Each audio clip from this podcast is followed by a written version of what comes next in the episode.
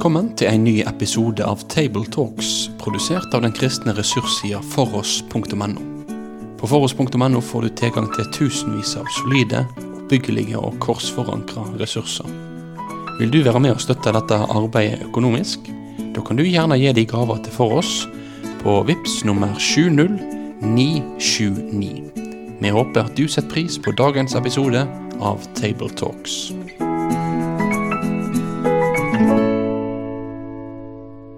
Hjertelig velkommen til en uh, ny episode av uh, podkasten Tabletalks, som er en podkast der vi samtaler om søndagens prekentekst. I dag så er det 25. søndag i treenighetstida som er tema for vår samtale. Det er fra Markus 2 vers 1-12 om den lamme mannen som uh, Jesus helbreder. Og uh, vi er fremdeles i treenighetstida i kirkeåret. Dette er en av de aller siste søndagene i treenighetstida. Uh, og det handler om Jesus, det handler om hans omsorg. Det å være disippel, det å følge Jesus. Og, og, i dag er det jo skal vi se både helbredelse, men òg tilgivelse som eh, ligger Jesus på hjertet. Eh, for å samtale om denne teksten så har jeg med Sverre Bø. Og så er det meg, Knut Kåre Kirkholm. Og så er det oss to alene i dag. Og så eh, får vi se om vi har med oss en, en tredjemann neste gang. Men i dag er det oss to som samtaler. Jeg skal begynne med å lese teksten fra Markus 2, vers 1-12. Noen dager senere kom Jesus igjen til Kapernaum, og det ble kjent at han var hjemme. Det samlet seg så mange at de ikke fikk plass, ikke engang utenfor døren. Mens han forkynte ordet for dem, kom de til ham med en som var lam. Det var fire mann som bar han. Men de kunne ikke komme fram til ham pga. trengselen. Derfor brøt de opp taket over stedet der han var, laget en åpning og firte ned båren som den lamme lå på. Da Jesus så deres tro, sa han til den lamme, Sønn, syndene dine er tilgitt. Nå satt det noen skriftlærde der, og de tenkte med seg selv, hvordan kan han si slikt? Han spotter Gud. Hvem andre kan tilgi synder enn én, det er Gud? Straks visste Jesus i sin ånd at de tenkte slik, og han sa til dem, Hvorfor går dere med slike tanker i hjertet? Hva er lettest å si til den lamme, syndene dine er tilgitt, eller stå opp, ta båren din og gå. Men for at dere skal vite at menneskesønnen har makt på jorden til å tilgi synder Og nå vender han seg til det lammet. Jeg sier deg, stå opp, ta båren din og gå hjem. Og mannen reiste seg, tok straks båren og gikk ut rett for øynene på dem. Så alle ble ute av seg av undring. De priste Gud og sa, noe slikt har vi aldri sett. Jesus han har begynt sin tjeneste. Um, Ryktet har begynt å gå om Jesus. Han har allerede vært i synagogen i Kapernaum og helbreda der. Og han har helbreda hjemme hos Peter, og han har helbreda mange i byen. Og så går det noen dager, og så er han hjemme igjen. Eh, hva det betyr, om det er huset som Jesus bodde i, eller om det er huset til Peter og Andreas, får vi jo ikke vite, men vi får vite at Jesus ikke har noe å lene hodet på, så det er vel gjerne trolig at han er en gjest hos uh, sine venner, sine disipler. Men det som jeg alltid lar meg fascinere av med denne her teksten, er den voldsomme detaljrikdommen. Altså, Markus stabler oppå hverandre verb etter verb etter verb som forteller noe om alt de gjør. Det er en veldig sånn detaljert fortelling om hvordan de lager denne åpningen og firer ned denne mannen. og og, og holder på disse vennene.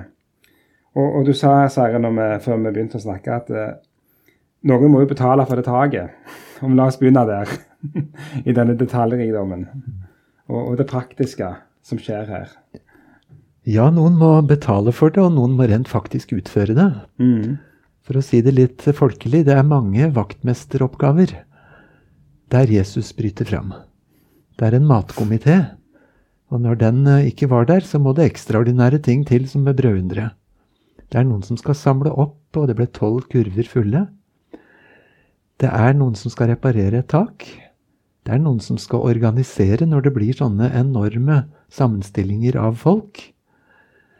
Eh, og slik er det jo videre i kirkens liv.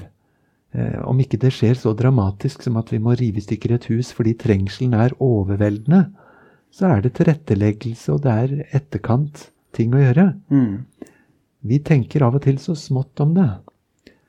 Men det er særlig én bibeltekst som setter oss på sporet av å tenke stort om disse tilretteleggelsene. Og det er ifra apostlerningene kapittel 6. Der står det om at de første kristne delte ut mat til fattige enker i Jerusalem. Og det ble en så stor oppgave at apostlene som hadde hånd om det, de rakk ikke å fullføre ordets tjeneste og bønnens tjeneste, så de måtte delegere det. Og måten det fortelles på, er bare så nydelig. Apostelgjerningene 6 løfter dette inn som en åndelig tjeneste. Og de skal utse mennesker med et godt vitnesbyrd og med åndsutrustning. Og så har de tid til å stanse opp og ha en egen forbønnshandling om at dette må skje på en rett og god måte. Så hvis vi tenker at det er noen åndelige tjenester med å tale og forkynne, og så er det en masse uåndelige tjenester med tilretteleggelse, så er ikke det uten videre bibelsk. Mm. Så kanskje virker det som et sidespor her, men noen skulle reparere dette taket. Mm. Og det lot seg helt sikkert ordne. Men i sum så er det mange oppgaver langs med veien der Jesus farer frem. Mm. Og det er gjerne det poenget der. Det er mange oppgaver der Jesus kommer, og, og det er nettopp det vi ser her i denne, denne beretningen.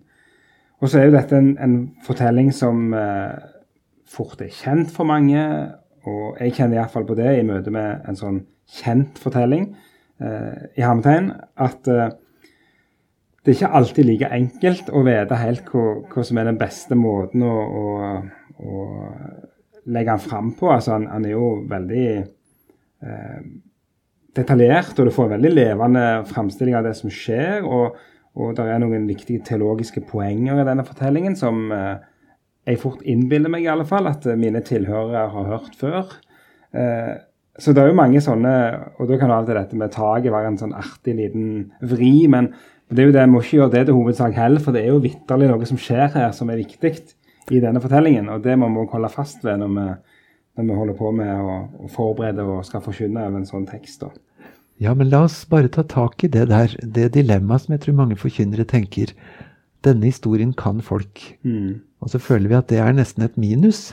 For vi har liksom lyst til å være spenstige fortellere som kan bære fram noe helt nytt. Istedenfor at jeg skal få lov å takke og love Gud for å få høre til et sted der Jesus-fortellingen er kjent. For en lykke. Mm. Sånn er det ikke der Jesu navn er ukjent. Der er du den første som forteller. Mm. Og det kan være i vårt eget land. Så la oss ikke tenke om, om det som en hindring, men tvert imot for en lykke. Du har hørt fortellingen mange ganger, kanskje fra du var liten. Du er rikt velsignet av Gud. Og så må vi sette bønnen inn på at budskapet i dette må nå hjertet. Ja, stemmer det. Viktig, viktig, besinnelse å ha med seg, og, og eh, kanskje det er flere som kjenner på det i forberedelsen, at en gjerne trenger å ta den lille ettertanken i møte med en kjent fortelling, for å igjen bruke det ordet. Og så må du aldri si på talerstolen at 'dette har dere alle hørt før', for det er ikke sikkert. Så det skal en være varsom med, for det kan uh, få feil effekt. Men det får vi La stå i lærebøkene i prekenlære som et moment der. Men hvis vi skal gå se litt på disse her eh, Det er jo noen vesentlige poenger i denne teksten her. Og det første er jo Disse mennene, disse vennene, de, de uh, har jo åpenbart forstått noe veldig viktig om Jesus. De tror på Jesus. De bærer fram denne kameraten sin i tru. Det er en detalj som ofte brukes for å kunne si noe om det å bære fram noen i tru. Men så er det jo da, og det er jo det jeg gjerne vil at vi skal dvele litt ved, at Jesus overrasker jo alle her. For at uh, han sier jo ikke 'du er helbreda'. Han sier 'sønn, dine synder er tilgitt'. Så Jesus han, uh, han ser jo på en måte et annet problem enn det problemet vennen har identifisert. Og det er vel kanskje noe vi kan gjenkjenne i vårt eget liv òg, at vi kan gjerne komme til Jesus med et problem som vi har identifisert, og syns at han har vært så god med å gjøre noe med. Og så vet Jesus bedre. Og det er helt åpenbart her. Ja, det er så stort et poeng. Hva er egentlig diagnosen? Hva er det vi trenger? Hva trengte denne mannen? Mm. Jesus kunne se både den kroppslige plagen, som han absolutt tok hånd om, men han så til et enda dypere problem. Og han sier ikke det at du er syk fordi du er en stor synder. Det sier han slett ikke. Men du som er syk, du har et annet problem som jeg gjerne vil få adressere. Og nå skal jeg få lov å gi deg et så stort løfte som Guds rike gaven.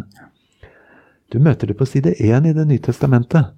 Når Josef får beskjed av engelen om barnet som skal fødes, så står det ikke at du skal gi ham navnet Jesus, for han skal frelse sitt folk fra romerne. Det var jo opplagt for enhver jøde som levde da, at problemet er romerne, som har okkupert landet vårt, og som holder oss som fanger. Hva trenger vi en Messias for? En som kan hive romerne ut og gjøre Guds folk fritt i sitt eget land? Ja, da Jesus døde på korset noen og 30 år senere, så sa han at nå er det fullbrakt. Men det var fremdeles romerne som styrte. Men det som var fullbrakt, det var at han skulle frelse dem fra deres synder. Mm. Så uansett et folk i den ytterste nød okkupert av hedenske fiender, så er det en nød som stikker dypere, som har Jesu fokus. Og Slik sett så er det ett spørsmål om helse og et annet spørsmål om frelse. Ikke sånn at det ene er helt uvesentlig. Men det er ikke nok å få helse det var ti spedalske som ble renset, men det var bare én som kom tilbake og takket Gud. Ti fikk helse, én fikk frelse. Mange spør Gud om å forandre omstendigheter. Men å forandre vår grunnstatus, det er det ikke sikkert de kommer på å be om. Det er et kjempeviktig poeng, for det er jo nettopp eh, det vi fort kan glemme. Eh, at eh, Ja. Vi, vi, kan gå i to feller. Vi kan på ene sida si at eh, helse er uvesentlig, og så kan vi si at helse er alt. Eh, men så er det en måte det å kunne si at eh, begge deler er viktig, men noe er viktigere. Det er jo den, den lille ekstra detaljen der som ikke er en detalj, men det å si at det er et grunnleggende problem, en status som må endres, som er viktigere enn omstendighetene. For du kan være du kan være frelst, og du kan ha det godt med Gud òg i vonde omstendigheter. Det er jo faktisk utrolig viktig å kunne formidle til folk. Og Det ligger jo som et hovedbudskap i lignelsen med den rike mann og Lasarus. Den rike mann hadde alt på plass, inkludert velvære og sikkert helse gjennom hele livet, men en evig fortapelse, mens den fattige Lasarus ikke hadde det. Ikke som å nedjustere menneskelig lidelse, på ingen måte, men samtidig eh, perspektivet inn i evigheten. Mm, det er sant. Og så sier Jesus det han sier, og så sitter det noen lærde som blir provosert. Eh, og det er jo for at Jesus trer jo inn på Guds enemerker, kan vi gjerne si her. Og ved å proklamere synstilgivelse, så, så sier han noe som bare Gud kan si. Eh, og det er en provokasjon. Og dette er jo kanskje Jeg ser jo for meg her hjemme i Kapernaum, det er ikke en så stor by. Det er sikkert en gruppe av mennesker i den byen som er knytta til synagogen og den religiøse eliten, og som kan Skriften, og som folk vet hvem er. Eh, de har vært i synagogen noen dager i forveien og sett Jesus helbrede i synagogen. Og liksom OK, det var på en sabbat, og var det greit? De har sikkert begynt og kanskje tenkt sånn stilt. Og så kommer dette, og så gjør han plutselig krav på å tilgi synd. Eh, og så begynner de å ja, det våkner et eller annet i det, iallfall en, en, eh, en provokasjon. Eh, et eller annet de misliker her med det Jesus eh, holder på med. Og på sett og vis har de jo helt rett. Ja. Det er ingen andre som kan tilgi synd enn Gud. Det de ikke forstår, det er at denne Jesus, han er Gud. Mm. Og der ligger jo den store, store hemmeligheten om at han som trer frem her, han gjør det med full autorisasjon og rett fordi han er Gud. Han er Guds evige sønn. Men det får ikke de med seg på mm. noen måte. Og Da kan vi jo bare legge til også at det, så langt jeg klarer å finne ut, så er det første gangen i Markusevangeliet at eh, Jesus bruker dette ordet 'menneskesønnen' om seg sjøl. Eh, og det er jo definitivt med altså Han sier jo at menneskesønnen har makt på jorda til å tilgi synder. Eh, og det begrepet der er jo langt ifra et nøytralt ord, så det har nok vært med å, å ytterligere vist disse skriftlærde at han her mener det han sier. Det her er ikke bare noe han sa av en glipp. Eh, for menneskesønnen er jo denne her tittelen som brukes i Daniel 7 om, eh, om kan vi si, Messias, om en guddommelig skikkelse som trer fram for den gamle av dager og får overlevert makt. Og Jesus gjør krav på at jeg er han, faktisk. Og, fra, og spiller helt åpenbart, tror jeg, på det. Og prøver, eller prøver ikke engang. Han gjør det, kommuniserer eh, at jeg er denne. Jeg er menneskesønnen. Jeg har denne makten. eh, som eh, dere har lest over i Skriftene. Så, så, det må ha vært en provokasjon når de ikke trodde han var det, for å si det sånn. Og den gammeltestamentlige bakgrunnen for ordet menneskesønn er også spennende, for det betyr jo ikke et eller annet menneske som bare er sønn av et annet menneske. Mm. Bakgrunnen i Daniel 7 er jo at han tvert imot kommer gående på himmelens skyer. Mm. Og er i dialog med den evige Gud. Mm. Og han får makt og ære og rike i all evighet. Så menneskesønn betyr ikke bare et eller annet individ av arten menneske. Mm. Men det betyr jo han som i Daniel taler direkte med Gud og får autorisasjon ifra han. Og, og, det viser jo det er nettopp, Og det denne guddommelige Han er en guddommelig skikkelse i Daniel 7. Så, så, Jesus gjør et veldig tydelig krav her på å være den, da. Og så er det jo det han, han viser det jo òg. Eh, for eh, han helbreder han jo, og, og, gjør en gjerning som eh, et menneske ikke har makt til å gjøre. Så han, han, han, gjør både en usynlig gjerning, kan vi si. Han, helbreder, han tilgir synd, proklamerer syndstilgivelse, og siden det er Jesus, så er det sant. Da skjer det faktisk. Og så bekrefter han jo den makten ved å, å helbrede. Og så er det dette retoriske spørsmålet som jo vi, alt, vi må innom. Hva var lettest å si for Jesus? eh, dine synder er deg tilgitt, eller stå opp til våren din og gå. Menneskelig sett så er det jo helt åpenbart at det første er lettere å si, for det kan ingen etterprøve. Men sånn var det ikke for Jesus. Nei, hvis du tenker det som at hver gang Jesus sier til noen at dine synder er tilgitt, så sier egentlig Jesus dine synder og gjeld kan du legge på meg. Ja. Det oppgjøret skal jeg ta meg av. Da vokser Jesus samlede gjeldsbyrde for hver eneste gang han sier det, og skrittene blir tyngre og tyngre. Mm. Å, hvor jeg gruer, sa Jesus ifølge Lukas 12,50. Ja. Da er det ikke billige ord. Da er det ikke lette ord. Stemmer det. Og det tenker jeg som forkynner så er det et vesentlig poeng å få sagt her, at, eh, at eh, Jesus Prisen Jesus må betale for å kunne si de ordene som framstår som uetterprøvbare, den er så uendelig høy, da. Det er viktig. Får jeg lov å skyte inn to hendelser fra min studietid for lenge siden? Som hadde med syndenes forlatelse å gjøre, og som står med spikra i sterk skrift i, i, mitt liv. Det første var da jeg hadde fått begynt teologistudiet. Jeg syns det ble veldig mange hit og dit og fram og tilbake saker. Men hvor er selve budskapet og saken i det hele? Og jeg lette meg fram, syns jeg, på kryss og tvers i Bibelen til at tilgivelse, mm. at syndene mine er forlatt for Jesus skyld, er en hovedsak og den røde tråden.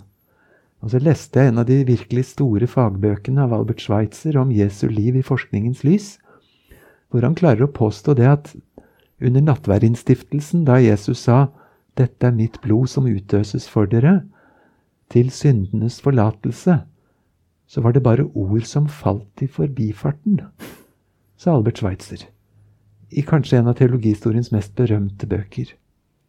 Hjelpe meg, var det så på slump det skjedde da den nye pakt ble innviet at det bare detter noen ord i forbifarten?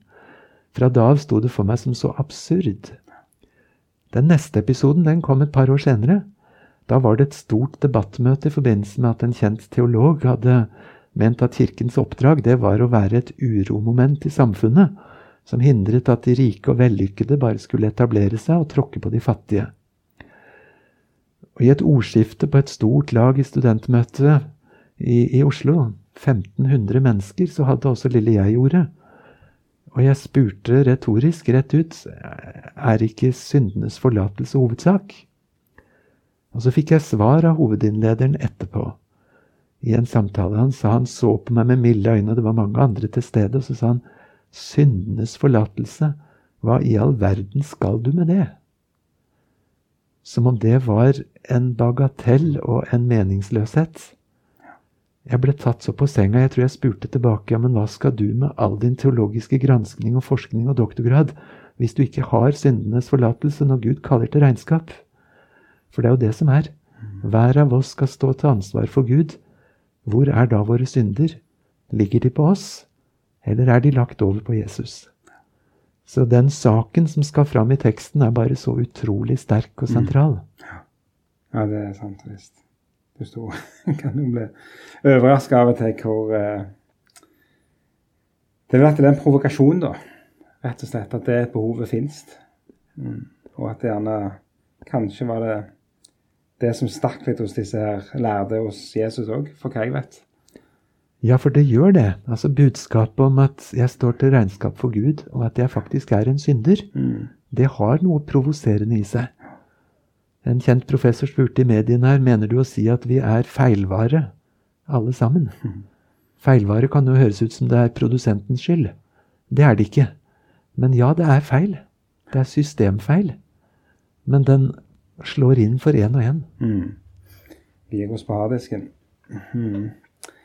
Yes. Eh, to viktige poenger å få understreket. At her er det en hovedsak som eh, er så sterkt framme i teksten. Og, og, det gjør at eh, enten samme hvor artig det kan være å snakke litt om taket, så er det dette som er kjernen, og som, som en som forkynner er pliktig til å bære fram, vil jeg si.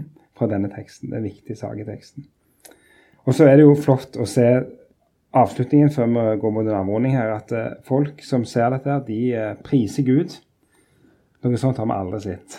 De forstår jo at her er det et eller annet som, som skjer. Og jeg syns Markus har et par sånne notiser langs med enten om rykter som går ut, eller folk som priser Gud, eller han har gjort alt vel.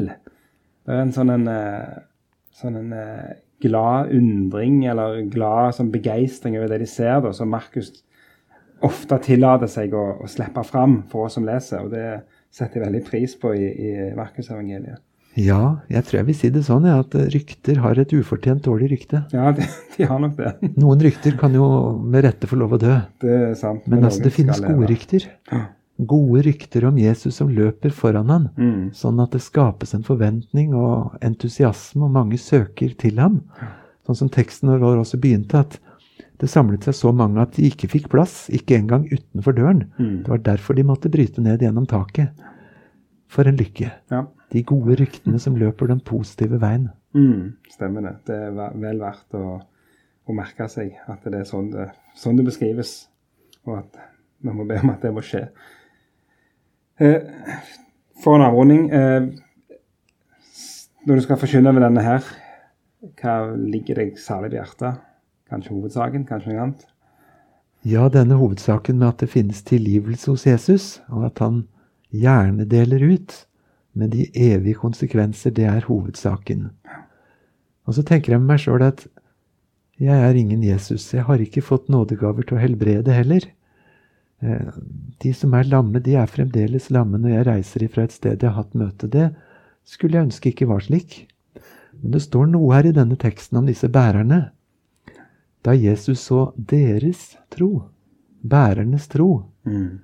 Altså det å få lov til å bære noen fram til Jesus, som skaper dette unike møtet direkte mellom den syke og Jesus. Det er et enormt løfte til faddere, foreldre, til forbedere, til alle oss som ikke helt vet hvordan vi skal få vitna riktig, ikke minst for våre nærmeste. Og blir så altfor fullt vårt hjerte, vi klarer ikke å tales ved, så bærer vi frem de kjære, de kjære for nådens Gud, og vi nedber velsignelsens fylde, det beste vårt hjerte vet, alt over det elskede hodet, for tid og for evighet. Litt svulstig språk i en gammel sang. Men det å få nedbe Guds velsignelse og kanskje fysisk bære noen hen til Jesus, eller bære en kristen bok bort til noen som ikke finner den selv Det var hmm. bærernes tro som skapte dette unike møtet. Og der trengs det mange bærere i Guds forsamling. Mm. Det er en viktig plass å stoppe, tror jeg. Eh, og rett plass å stoppe. Det, det å få legge det inn over oss alle at vi skal, vi skal få bære folk til Jesus. og og, og, da er Jesus sånn som vi møter han her. Han, eh, han tenker ikke så mye på taket. Han tenker på han som ligger på båra, og, og, så har han omsorg og tilgivelse og helbredelse. Så vi tar med oss det fra, fra dagens samtale. Og så eh, er det sånn at eh, de som har lyst til å lese mer om denne teksten, og eventuelt høre på andre samtaler om teksten, Da er det ressurser tilgjengelig på foross.no. Og ellers så ønsker jeg Guds velsignelse både ved deg som skal tale over denne teksten, og deg som skal lytte til forkynnelse over denne teksten. Da vil vi si takk for at du valgte å få med deg denne episoden av Table Talks, produsert av den kristne ressurssida foross.no. Driftinga og utviklinga av nettsida vår den er avhengig av gode og trufaste støttespillere. Vil du gi ei gave til dette arbeidet? Da kan du gi den via VIPS nummer 70929 eller så kan du besøke foross.no for mer informasjon om å kunne bli en fast giver. Ha en god dag videre.